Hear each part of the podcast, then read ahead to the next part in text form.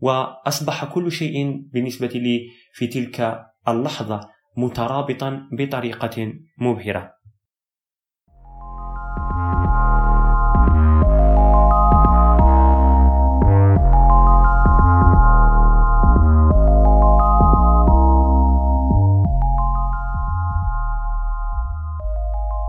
أهلا بكم في بودكاست زائد. معكم مقدمكم تنسايرو وفي هذه الحلقة سنتحدث عن كل ما يخص المسلسلات. والبداية مع أخبار المسلسلات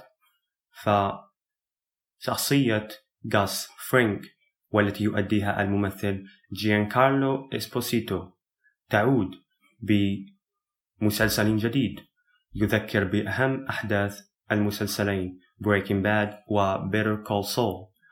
وسيكون المسلسل بعنوان The Broken and the Bad. المسلسل سيعرض على شبكة AMC وذلك في التاسع من يوليو من هذا العام. من الجيد مشاهدة شخصية كاس فرانك تعود من جديد خصوصا وأن المسلسل Breaking Bad محبب إلى قلبي وأود أن أشاهد أي شيء يتعلق بهذا المسلسل وخصوصا شخصياته وأبرزها شخصية كاس فرانك. الخبر الآخر يتعلق بمسلسل إليت حيث تم تأكيد عن انضمام أربع شخصيات جديدة للموسم الرابع. وفي وصف الحلقة سأترك لكم رابطا لمشاهدة صور الشخصيات المنضمة حديثا. كما قلنا في خبر سابق بأن عددا من شخصيات إليت قد خرجت أو لم تعد في المسلسل وبالتالي كان لابد من أن يتم تعويضها بشخصيات جديدة. والكل يعلم المثلية التي ستكون في هذا المسلسل وبالتالي سنرى ما الذي يمكن أن يحدث في الموسم الرابع. الموسم الخامس من مسلسل لوسيفر قادم على نتفليكس بتاريخ الواحد والعشرين من أغسطس. وكذلك سأضع لكم في الوصف رابطا متعلقا بالبوستر الرسمي من المسلسل. كنت في خبر سابق قد ذكرت بأن مسلسل لوسيفر قد حصل على موسم خامس وبالنسبة لي أرى أن المسلسل متوسط لنقل متوسط لأن الحلقات كانت تتراوح بين الجيدة والمتوسطة ولكن بعد أن قامت نتفليكس بشراء حقوق المسلسل شاهدنا نوعا من التحسن خصوصا في جودة الإنتاج. والكل يعلم أن نتفليكس تقوم بحملات تسويقية ضخمة لمسلسلاتها وفيما يتعلق بالإنتاج كذلك فقد كانت هناك صرف أو مصاريف كبيرة. مما حسن نوعا ما من جودة المسلسل ولكنه لم يكن أو لم يكن بالشيء الكبير وسنرى الجودة التي سيقدمونها في, في هذه الحلقات القادمة من الموسم الخامس.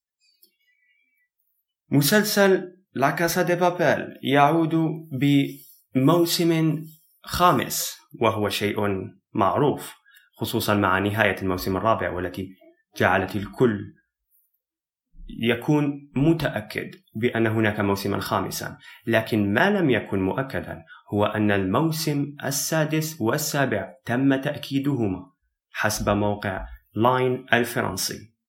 وهذا يعطينا نوعا ما نظرة عن الحلب الذي سيكون لمسلسل La Casa de Papel خصوصا وأن نتفليكس لن تترك هذا المسلسل يذهب دون أن تحلبه حتى آخر قطرة. للأسف كان مسلسلا جيدا وأظن أنه سينحدر بعد ذلك. خبر آخر متعلق بالحلقة الخاصة من مسلسل Friends الذي تم إصداره منذ آه، أكثر من عشر سنوات.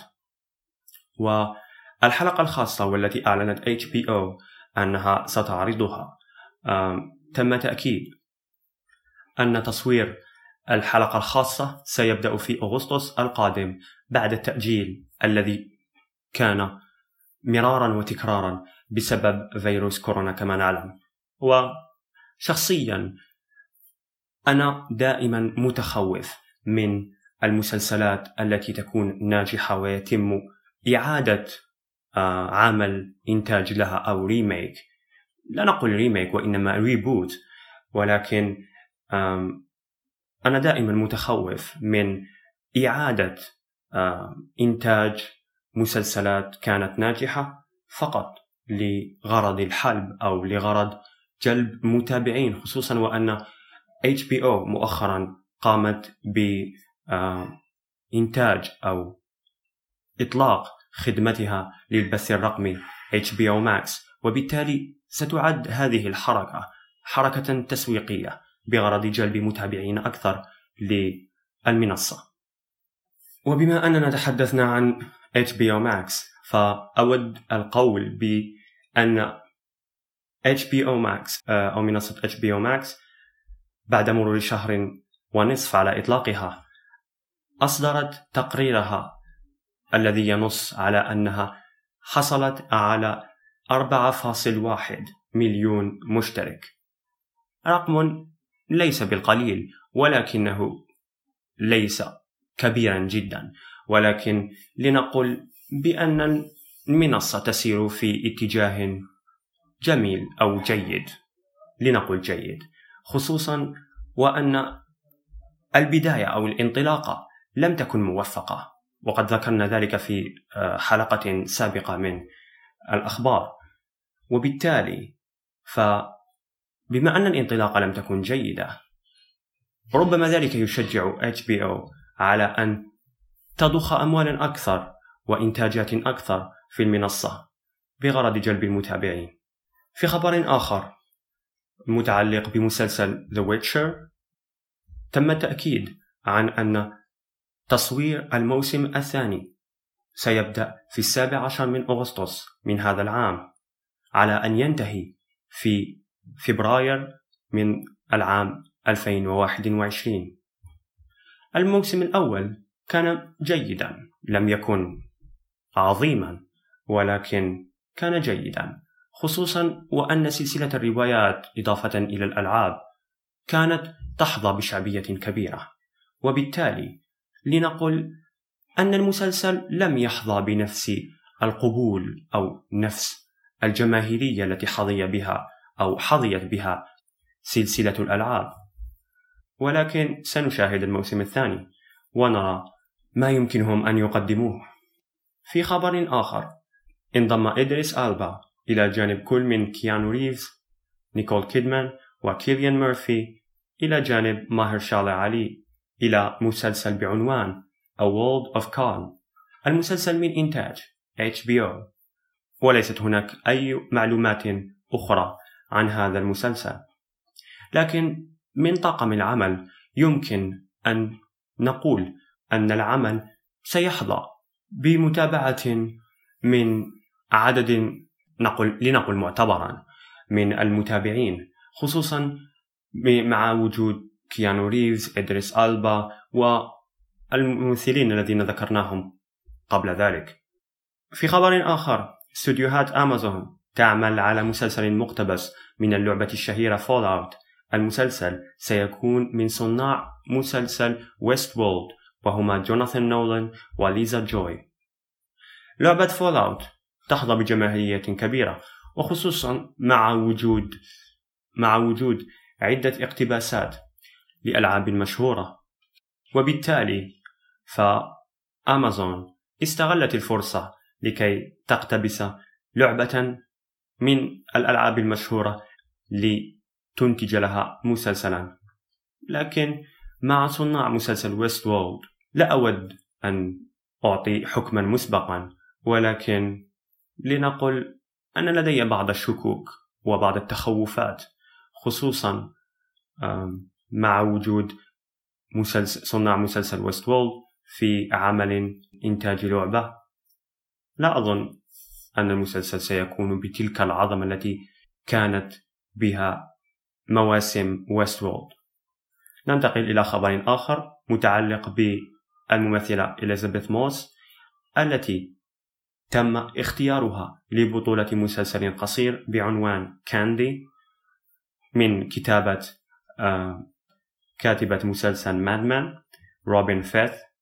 المسلسل مبني على قصة حقيقية لشخصية تدعى كاندي مونتغومري وهي زوجة وأم تم اتهامها عام 1980 بقتل صديقها بيتي غور بشكل وحشي مستخدمة في ذلك فأسا. القصة من الملخص تبدو جيدة تبدو مشوقة خصوصا مع معرفتنا ما الذي سيحدث. لكن كيفية صياغة الأحداث وكيفية صياغة الشخصيات والتفاعلات فيما بينها هذا الذي نود رؤيته فعلا. وإليزابيث موس أثبتت عن جدارة واستحقاق قوتها وقدرتها التمثيلية في الأداء خصوصا مع مسلسل The Handmaid's Tale الذي أخرجت فيه طاقتها الإبداعية بكل جدارة. وفيما يتعلق بالكاتبة فمسلسل ماد مان كما نعلم حظي بجماهيرية وشعبية كبيرة. وسنرى ما الذي يمكن أن يحدث والأمور التي يمكن أن نشاهدها في المسلسل خبر متعلق باختيار ميشيل ويليامز وأوسكار آيزاك لبطولة مسلسل تابع لشبكة HBO مبني على المسلسل السويدي Scenes from a Marriage الذي تم تحويله لاحقا إلى فيلم بنفس الاسم. المسلسل يحكي قصة ماريان ويوهان خلال رحلة لهما امتدت على مدار عشر سنوات بين الزواج والطلاق والخيانة. المسلسل أظن أنه سيكون مشابها ل Marriage Story الذي قامت ببطولته سكارليت جوهانسون وآدم درايفر والمسلسل أظن أنه سيكون دراما بحتة. لكن من الجيد مشاهدة مسلسلات تابعة ل HBO خصوصا مع إنتاجها القوي في الآونة الأخيرة. ننتقل إلى مسلسل عربي حيث أكدت منصة نتفليكس عن الانتهاء من تصوير مسلسل ما وراء الطبيعة والمقرر عرضه في الثالث عشر من نوفمبر من هذا العام. المسلسل مبني على روايات للكاتب أحمد خالد توفيق وهو كاتب له شعبية كبيرة في مصر وكذلك في العالم العربي. والمسلسل سيكون من بطولة أحمد أمين ومن إخراج عمرو سلامة ومحمد حفظي. من الجيد أن نشاهد إنتاجات من نتفليكس في المنطقة العربية وخصوصا بعد الإنتاج السيء الذي كان مع مسلسل جن. وبالتالي آمل أن يكون هذا المسلسل نقلة نوعية في إنتاجات نتفليكس العربية. ونعود لمسلسل لاكاسا دي بابيل حيث أعلن الممثل ألفارو مورتي والذي يجسد شخصية البروفيسور عن أن عودة عمليات التصوير للموسم الخامس قد بدأت. ويمكن أن نقول أن المسلسل أو الموسم الخامس من المسلسل سيكون في ربيع 2021 إن سارت الأمور على ما يرام.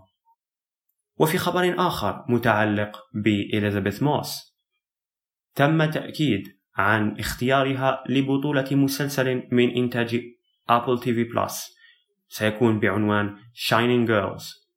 المسلسل مبني على رواية تحمل نفس الاسم صدرت عام 2013 عن صحفية تحاول التمسك ولملمة شتات نفسها بعد نجاتها من اعتداء وحشي ووضع مهمة جديدة لحياتها وهي السعي خلف من اعتدى عليها. المسلسل يأخذنا أو يمكن أن يأخذنا إلى نفس الأحداث أو أحداث مشابهة لفيلم The Invisible Man خصوصا مع عامل التشويق والدراما التي كانت في ذلك الفيلم. وكما قلت مسبقا بأن تمثيل إليزابيث موس سيعطي طابعا رائعا على أي عمل كان. وبالتالي أنا جد متشوق لمشاهدة هذا المسلسل. وخبرنا الأخير سيكون حول مسلسل The Walking Dead حيث تم تأكيد عن أن الموسم سيتم تمديده إلى ست حلقات إضافية وأنا أتحدث هنا عن الموسم الأخير. الست حلقات ستعرض في عام 2021 كما أن الحلقة السادسة عشر من هذا الموسم الأخير سيتم عرضها في الرابع من أكتوبر من هذا العام. وكانت هذه كل الأخبار التي استطعنا أن نجمعها لكم من عدة مصادر ننتقل الآن إلى أخبار تجديد وإلغاء بعض المسلسلات. وخبرنا الأول هو تجديد مسلسل أوزارك لموسم رابع وأخير من قبل منصة نتفليكس. الموسم الأخير سيكون مقسما على جزئين وسيكون مكونا من 14 حلقة. كما قامت نتفليكس كذلك بتجديد مسلسل Dead to Me المسلسل الكوميدي السوداوي. بطولة كريستينا أبلغيت وليندا كاردليني. وكذلك جيمس مارسدن تم تأكيد عن تجديده لموسم ثالث وأخير كذلك. ونبقى مع منصة نتفليكس حيث أكدت عن أن مسلسل Chilling Adventures of Sabrina سيبقى مكونا من أربعة أجزاء فقط وبالتالي ألغت المسلسل بعد أربعة أجزاء فقط كما قلنا. المسلسل بدأ عرضه في 2018 ولقي استحسانا كبيرا من قبل الجمهور في حين أنه لم يعجبني كثيرا. ننتقل إلى منصة هولو التي أعلنت عن أن مسلسل رامي من بطولة رامي يوسف ومهرشالا علي وعمرو واكد تم تجديده لموسم ثالث. المسلسل لقي نجاحا باهرا في العالم العربي. خصوصا وأنه يجسد شخصية مسلم في أمريكا وأنا جد سعيد بالتجديد وأود مشاهدة حلقات أكثر وتطورات أكثر للقصة. وبعد أن تم الإعلان عن أن الموسم الخامس من مسلسل The Crown سيكون هو الأخير، تم الإعلان مجددا عن أن الموسم السادس سيكون الموسم الأخير من المسلسل. وعلى هذا الأساس تم التأكيد عن أن الموسم الرابع سيكون من بطولة أوليفيا كولمان بتجسيدها لشخصية الملكة إليزابيث الثانية والموسم الخامس سيكون من بطولة إيميلدا ستونتون والتي ستجسد الشخصية الرئيسية بدلا عن أوليفيا كولمان في خبر آخر تم تأكيد عن أن مسلسل HBO المعنون Run سيتم إلغاؤه بعد سبع حلقات فقط من العرض. المسلسل انتهى نهاية مفتوحة مشوقة للمتابعين. ولكن يبدو أننا لن نشاهد نهاية أو تكملة لهذا المسلسل. المسلسل كان متوسطا لم يكن قويا ولكن كان يتضمن بعض المشاهد الحماسية مع كوميديا خفيفة ورومانسية. وننتقل إلى أمازون برايم حيث أكدت عن أن مسلسلها هانا تم تجديده لموسم ثالث. والذي بعد عرض موسمه الأول لقي نجاحا كبيرا. واستحسانا من الجمهور. وشخصيا أعتبر أن المسلسل قدم مشاهد رائعة خصوصا فيما يتعلق بالأكشن والأحداث الحماسية التي تدور في ذلك العالم. وفيما يتعلق بمسلسل Kidding الذي يقوم ببطولته جيم كاري فتم تأكيد أن الموسم الثاني سيكون هو الموسم الأخير وبالتالي قررت شو تايم إلغاء المسلسل بعد موسمين فقط. لكن الخبر صار هو أن بيري ميسون سيعود بموسم جديد وثان على HBO المسلسل بعد عرض حلقاته التي تعد حلقات قصيرة لقي استحسانا من الجمهور وبالتالي قررت HBO تجديده لموسم آخر. وفي خبر صار أكدت أمازون برايم أن الموسم الثالث من The Boys سيكون موجودا وذلك في مؤتمر كوميكون من هذه السنة حيث أكد سيث روغن وإيفن جولدبرغ عن قيامهما بالترتيبات الأولية للكتابة فيما يتعلق بالموسم الجديد. وكانت هذه أبرز أخبار تجديد وإلغاء المسلسلات.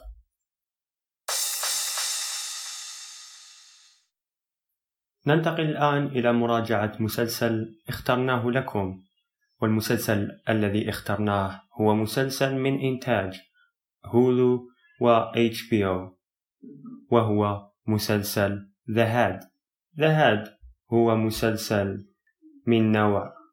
الغموض والتشويق تم إنتاجه سنة 2020 وتحديدا في هذه الآونة الأخيرة.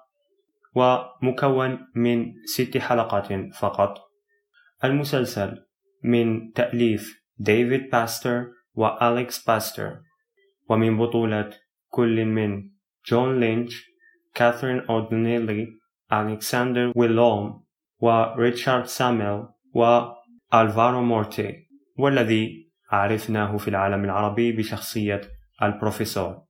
المسلسل موجه لمن هم فوق سن الثامنة عشر سنة نظرا لما يحتويه من مشاهد عنيفة ودموية وبالتالي فهو لا يصلح للمشاهدة العائلية نظرا لبشاعة المشاهد.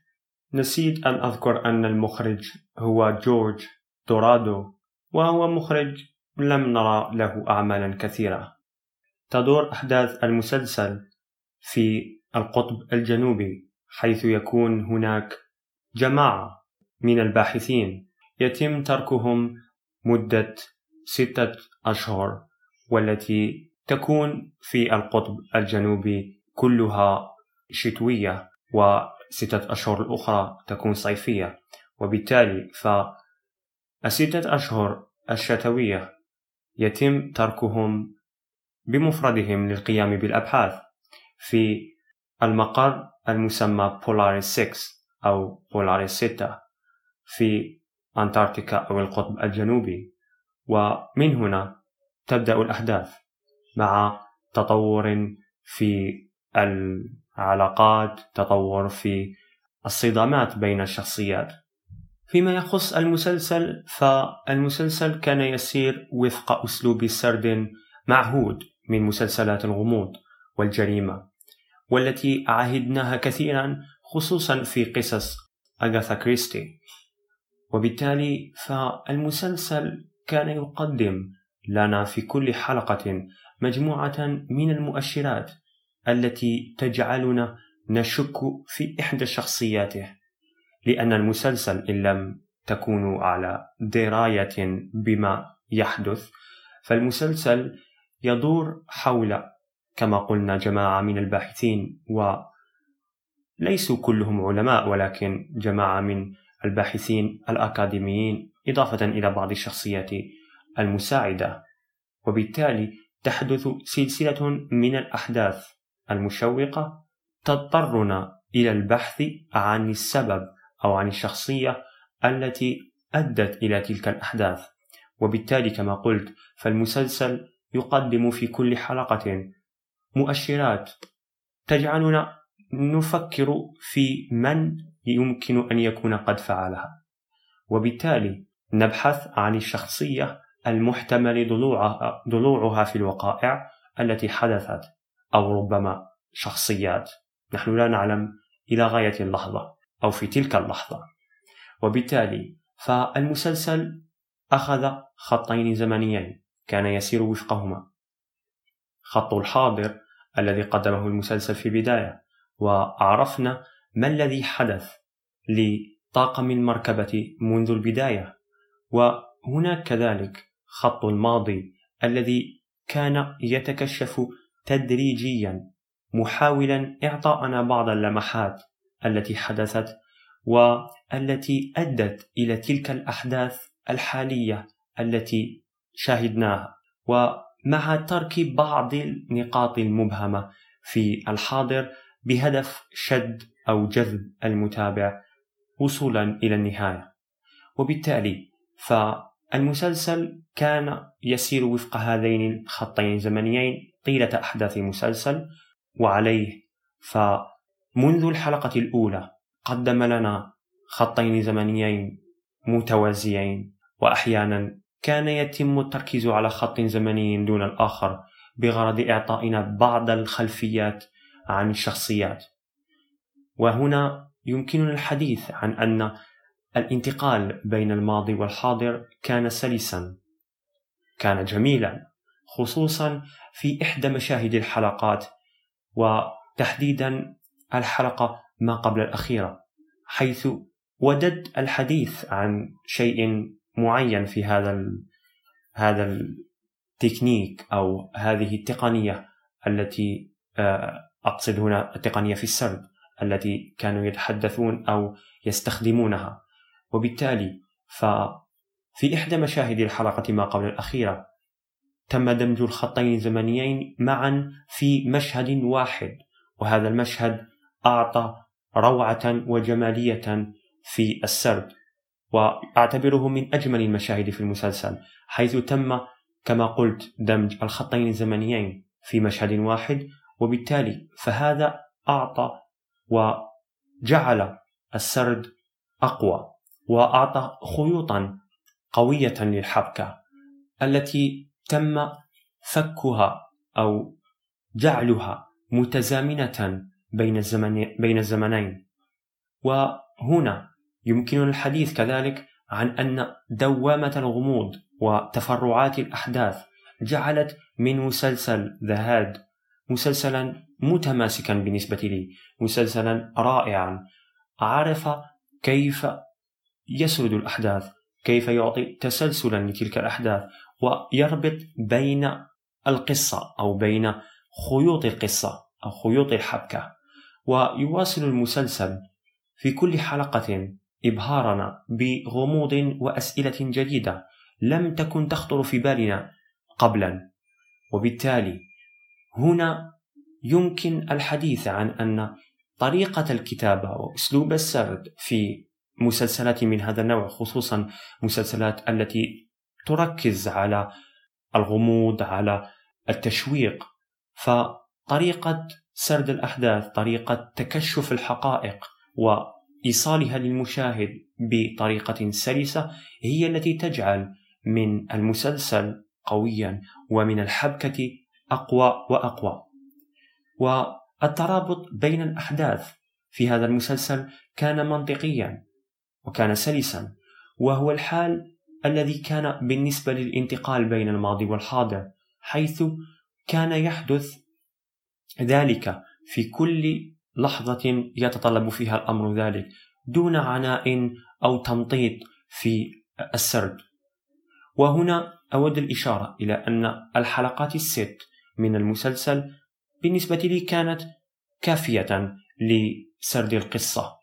لم يكن هناك تمطيط أكثر من اللازم أو يمكن القول أنه لم يكن هناك تمطيط إطلاقا خصوصا مع الأحداث والعوالم التي كان يدور فيها المسلسل أو الأزمنة.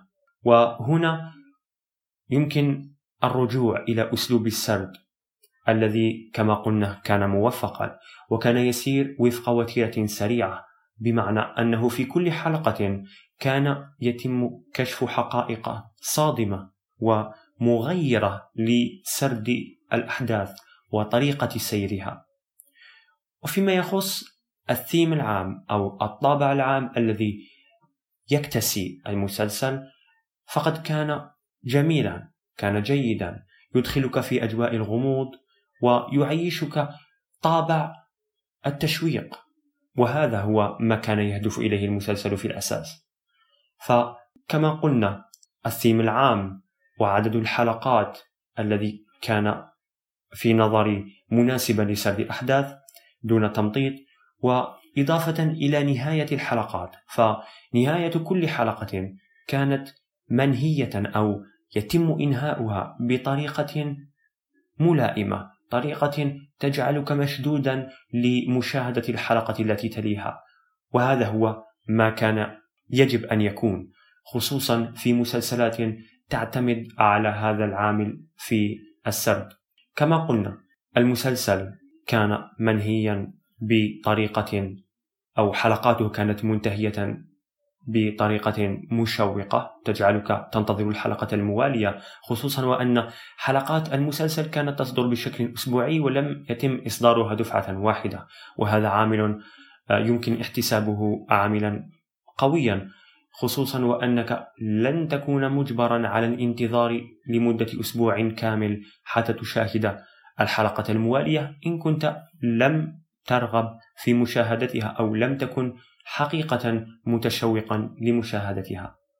فالمسلسل قدم كذلك خلفية أو back story عن كل شخصية وهذا كان جيدا خصوصا وأن الهدف كان بهدف جعل المشاهد يتعلق أكثر بالشخصيات بالرغم من أنه لم يتم التعمق كثيرا فيها وهو الأمر الذي افتقدته عند مشاهدتي لهذا المسلسل خصوصا وأن تمثيل الشخصيات مع تعدد جنسياتها وكما قلنا أن المسلسل كان ذو إنتاج مشترك بين هولو و أو وكان يضم كاست أو طاقم عمل من عدة جنسيات منها الإسبانية واليابانية وكذلك يعني عدة جنسيات أوروبية كانت تتحدث أحيانا بلغتها الأم وأحيانا باللغة الإنجليزية والتي ربما شكلت عائقا أمام تجسيد الشخصيات من الناحيه اللغوية. ولكن بطريقة جيدة أو لنقل عموما كانت موفقة لم يكن تمثيل شخصياتي عظيما ولكن كان جيدا لم يكن سيئا للدرجة التي تجعلك غير قادر على مشاهدة المسلسل. والمسلسل حسب رأيي من ناحية التصوير فقد وفق في سرد زوايا أو في إعطاء زوايا تصويرية تساعد السرد، تساعد القصة. من خلال مثلا الزوايا البعيدة الزوايا المقربة طريقة التصوير خصوصا في المشاهد التي تتطلب نوعا من الحركة أو الأكشن. فطريقة تجسيدها كانت سلسة لم يكن هناك قطعات أو cuts في المشهد بطريقة ممكن أن تسبب إزعاج للبعض ولكن التجسيد أو عفوا الزوايا التصويرية كانت احترافية بالقدر المطلوب كانت تعطي انطباعا عن جودة قوية أو جودة رائعة في التجسيد والتصوير وهذه النواحي كلها. ننتقل إلى الموسيقى التصويرية في هذا المسلسل، فالموسيقى التصويرية لم تكن يعني موسيقى تصويرية فريدة من نوعها أو جيدة جدا بل كانت متوسطة. كأي موسيقى تصويرية يمكنكم أن تشاهدونها في أو تسمعونها في أي مسلسل من هذا النوع. مسلسل تشويقي ذو آه، طبيعة غموض وجريمة يعني يمكن أن نقول أن الموسيقى التصويرية كانت متوسطة. فيما يخص النهاية والتي لدي عليها تعقيبات ليست كثيرة ولكن لنقل بعض التعقيبات الطفيفة سأتركها في في فقرة الحرق. فما يمكنه ما يمكنني قوله هو أن النهاية كانت ممتازة. حقيقة كانت ممتازة وكانت منتهية أو مقفلة بطريقة تم فيها إقفال كل خيوط الحبكة إقفال كل مسارات الشخصيات وما يمكن أن يكون قد حدث لها أو قد يحدث لها. وبالتالي فالنهاية كانت كما قلت ممتازة جيدة جدا وفيها بعض من البلوت تويست أو القلبات في السرد وهذا ما يمكنني قوله حاليا عن النهاية. وتقييمي لمسلسل ذا هاد هو تسعة ونصف من عشرة. المسلسل جيد لكن سبب عدم إعطائي تقييم عشرة من عشرة هو أن التمثيل لم يكن قويا لتلك الدرجة التي يمكن أن نقول عنها أنها عظيمة أو واو. وبالتالي نصف درجة عن التمثيل إضافة إلى أمور أخرى كنا قد ذكرناها سابقا. نصل الآن إلى فقرة المناقشة والتي تتضمن حرقا لبعض الأحداث. فإن لم تشاهد هذا المسلسل توقف هنا. وحقيقة أود منك أن تشاهد هذا المسلسل حتى تسمع رأيي المتواضع في النهاية.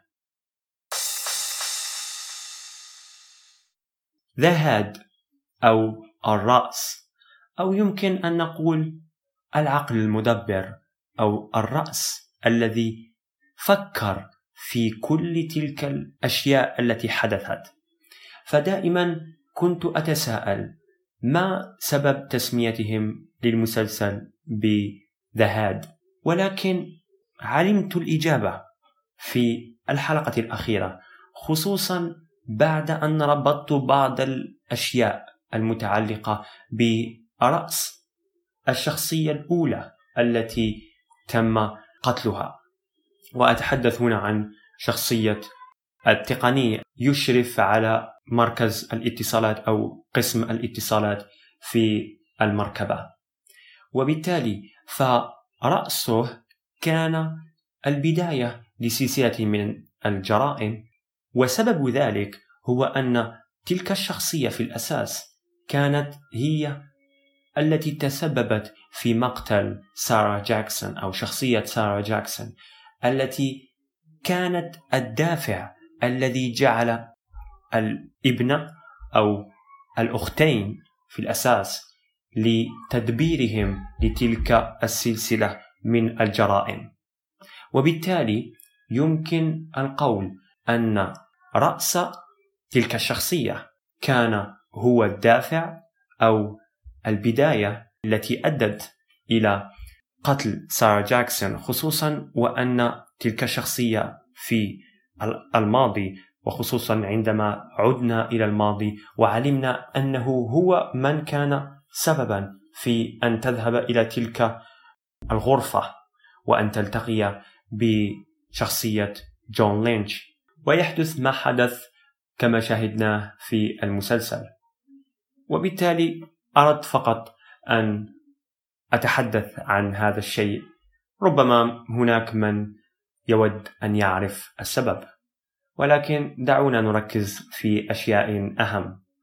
فبالنسبة مثلا للطريقة التي قاموا بها بشرح بعض الأحداث وتبرير بعض الأفعال لعدد من الشخصيات فالطريقة كانت جميلة وهي أنهم استعانوا بتسجيلات التقييم النفسي التي كانوا قد سجلوها قبل آه، ذهابهم إلى المركبة في تلك التسجيلات عرفنا بعض شخصياتهم يعني بعض ردات فعلهم حول بعض الأمور حول بعض العناصر التي ربما لم نكن لنعرفها لو لم يتم الاستعانة بتلك التسجيلات أو لم يتم الاستعانة بذلك الأسلوب في السرد.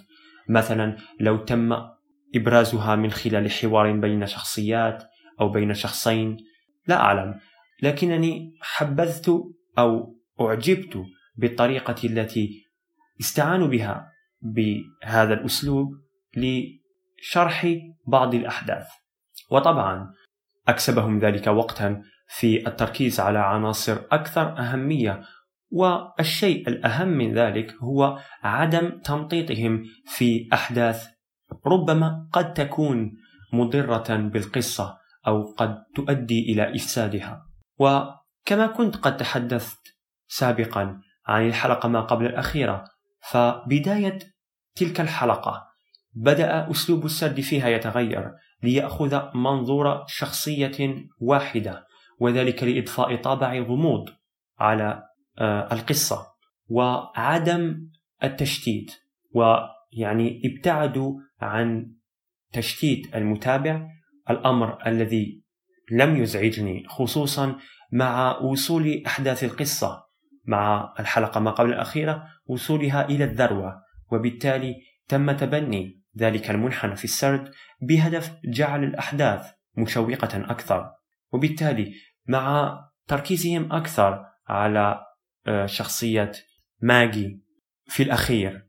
يعني بعد أن كانوا يذهبون إلى شخصية جون لينش ويعودون مرة أخرى تم التركيز على شخصية ماجي أكثر لإعطاء عمق للقصة وللشخصيات وللأحداث التي حدثت خصوصا مع تناقص أو آه، وفاة عدد من آه، الشخصيات التي تم التخلص منها. وبالتالي الحلقة ما قبل الأخيرة كانت بالنسبة لي أحسن حلقة وأروعها. تم فيها إحداث عدد من التغييرات دمج خطوط زمنية أو خطين زمنيين في مشهد واحد وكذلك التركيز على شخصية واحدة ومنظورها للأحداث بالرغم من أنهم كانوا يركزون على منظورها في الحلقات السابقة ولكن في تلك الحلقة تم التركيز عليها بشكل أكبر.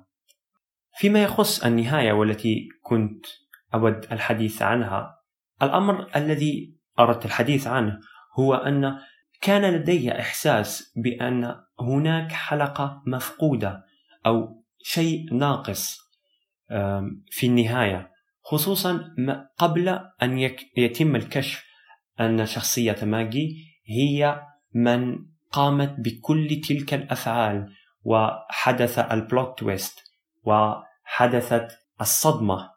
فقبل ذلك كنت أحس أن هناك شيء ناقص وشخصية آرثر عندما شاهدناها تتحدث لم تعترف صراحة بقتلها للجميع وهو الأمر الذي كنت متوجس خيفة منه خصوصا وأن المسلسل كان يتجه نحو ختم القصة. وبالتالي كنت أعتبر تلك النقطة سقطة للمسلسل وثغرة يمكن أن تفسد من حبكته. كما قلت أن شخصية آرثر لم تعترف صراحة بقتلها للجميع. وأعرف أنه كان ينكر ذلك. لكن حتى بعد أن تمت مواجهته بالأدلة لم يكن هناك ما يشير صراحة إلى أنه قتل الجميع بل أنه قتل البعض فقط. وبالتالي لم نرى أنه كان منذ البداية هو الذي بدأ كل تلك السلسلة من الجرائم. ونفس الأمر بالنسبة لشخصية رامون التي تم تصويرها على أنها هي شخصية الجاني. وعلى هذا الأساس رامون لم يكن سيقتل الجميع لأنهم كانوا بالفعل يعلمون بما فعله. لا أعلم إن كنت قد وصلت الفكرة بطريقة واضحة ولكن بالنسبة لشخصية رامون فحتى لم لو لم تكن شخصية آرثر قد اعترفت أو كانت مثلا قد أنكرت بفعلتها. فلو ذهبنا في اتجاه أن رامون هو من قام بالأفعال الأخرى أو الجرائم الأخرى فرامون لم يكن لديه ذلك الدافع الحقيقي خصوصا وأنه كان على علم بأنهم لن يقوموا بأي شيء لأنهم في الحقيقة اتفقوا على إخفاء سر الجريمة جريمة سارة جاكسون. وبالتالي رامون لم يكن سيقتلهم من الأساس لأنهم كانوا بالفعل يعلمون بما حدث. وبالتالي فلم يكن هناك دافع حقيقي فيما عدا الثلاثة الجدد الذين انضموا إلى الطاقم طاقم الباحثين. وبالتالي فيما عدا ماجي فعندما نتحدث عن الشخصية التي قتلت خطأ في البداية يمكن أن نستبعدها. يتبقى شخصية ماجي وشخصية ياماشيتا أو آه لنقل آكي. فيتبقى لدينا شخصيتين. وبالتالي هذين أو هاتين الشخصيتين هما الوحيدتين اللتان لم تكونا على معرفة أو على علم بالحادث الذي حدث في الماضي. وبالتالي كنت أحس أن كل ذلك لم يتم تفسيره. وحتى لو تم ترك النهاية على هذه الشاكلة كانت ستبدو ضعيفة نوعا ما. وبالتالي كنت أحس أنه لم يتم تفسير حقيقة من الذي قام بتلك الجرائم حتى لو تم القبض على شخصية آرثر. وأحسست أنهم تركوها مبهمة عن قصد. إلى أن جاءت الحقيقة الفعلية والحلقة المفقودة بالنسبة لي والتي قامت بربط كل سلسلة الأحداث والحبكة مع بعضها البعض وزادت من تقييمي لهذا المسلسل بشكل رائع بشكل رهيب. وأصبح كل شيء بالنسبة لي في تلك اللحظة مترابطا بطريقة مبهرة. ختاما شكرا على استماعكم للحلقة. أود حقيقة أن أعلم آراءكم حول هذا الشكل الجديد من البودكاست الذي قمنا بإضافة بعض الأمور تغيير بعض الأشياء دمج فقرات في فقرات أخرى. فأود حقيقة أن أعرف آراءكم واقتراحاتكم طبعا في هذا الشكل. إن كان بودكم أن نضيف فقرات جديدة أو ربما نغير من الشكل هذا. وفي الأخير يمكنني أن أقول لكم شكرا على استماعكم للحلقة للمرة الثانية ويمكنكم متابعتنا على حسابنا على تويتر وإرسال أسئلتكم واقتراحاتكم على حسابنا على Curious Cat. نلتقي قريبا.